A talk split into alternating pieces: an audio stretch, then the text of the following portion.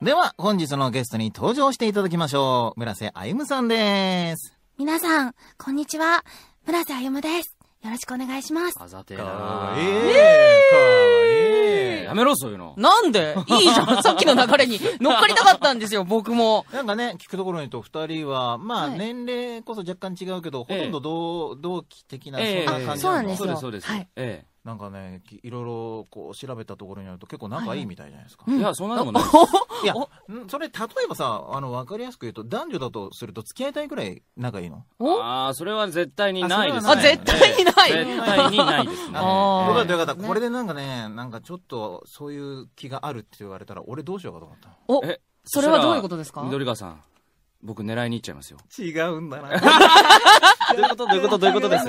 え俺は、ええこう、村瀬くんは、某作品で親子の役をやってるから、ええそうなんで俺、すよ俺的にはね、そう自分のこそうう、そう息子みたいな感じがあるかそうならんね、ですよ。ちょっとなんか気があるとか言われたら、渡せないな、みたいあな。おあ。前、お前まだ。え、じゃあ、まだこの今のラジオの並び、僕一人で座ってますけど、こっち側。え、なんかその、親の面談みたいな感じなんですそうだ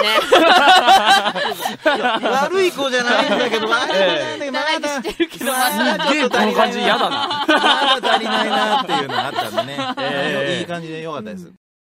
4人目のゲストですよね。はいはい。ありがとうございます。ぐっおと招きいただい年て齢層が若くなりまして。そうですねね。若いと言っても、もう今、今年でいくつになるんですか今年で僕26になります。 26が若くなるってどういうことなんだいや、若いですね。なんなんなんうちのいやでも緑川さんうちの23歳じゃないですかうちの息子なんなん23歳じゃないですか。 ちょっと軸が歪んでるけど。ああいうところがね、ちょっとなんか、たまにチクってくんだよね。そうですよね。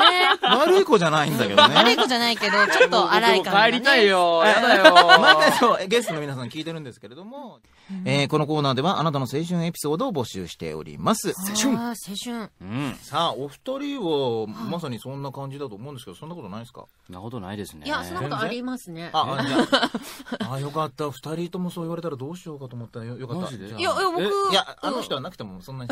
えちょっと何です か進んでるとか言わないでくださいよ。ゲストがあると嬉しいな。何でいや、いすや、かえ僕え、カイト君うとん、お、その番組で一緒の時に、うんはあなんか、いろいろその番組終わりとあか、その、ま、あのー一緒に居酒屋とか入って、うで、あ二ー人でなんかちょっと熱い話したりとね。青春じゃないおあ、あーれ青春、あ、ああいうの青春って言うんですかえ青春あり ました青春青春だ青よ春ありましたよ、緑川さん、僕。ちょっとお互いのあれが若干違う。認識が。 ち認識の相違があったのか、悲しいなょっとそれは確かに青春かもしれうないですんね。。中春かなって思いますちょっよ。とううちのこともうちょっと真剣にちゃんと見つめ合って、えとりあーえず。えー、ちょっうちのと。子なんさ、そんなになんか青春だって言ってんのに、おあ、あれね。ああ、そう言われてみれば。ちょっと、あの、すごい小馬鹿にされてる感と、思いが重いどっちも同時に。ええ何この双方からの。頼み痛みが頼みますよ。 あ今度はもうちょっと向き合ってあげてください。ーはーい。じゃあ気が向いたら向き合います。ああ、まあまあいいよ。うんまあまあまあ。ええ、ちょっとそんな、いやちょっとびっくりしちゃったな今な、はい膨らんだままるお腹の女の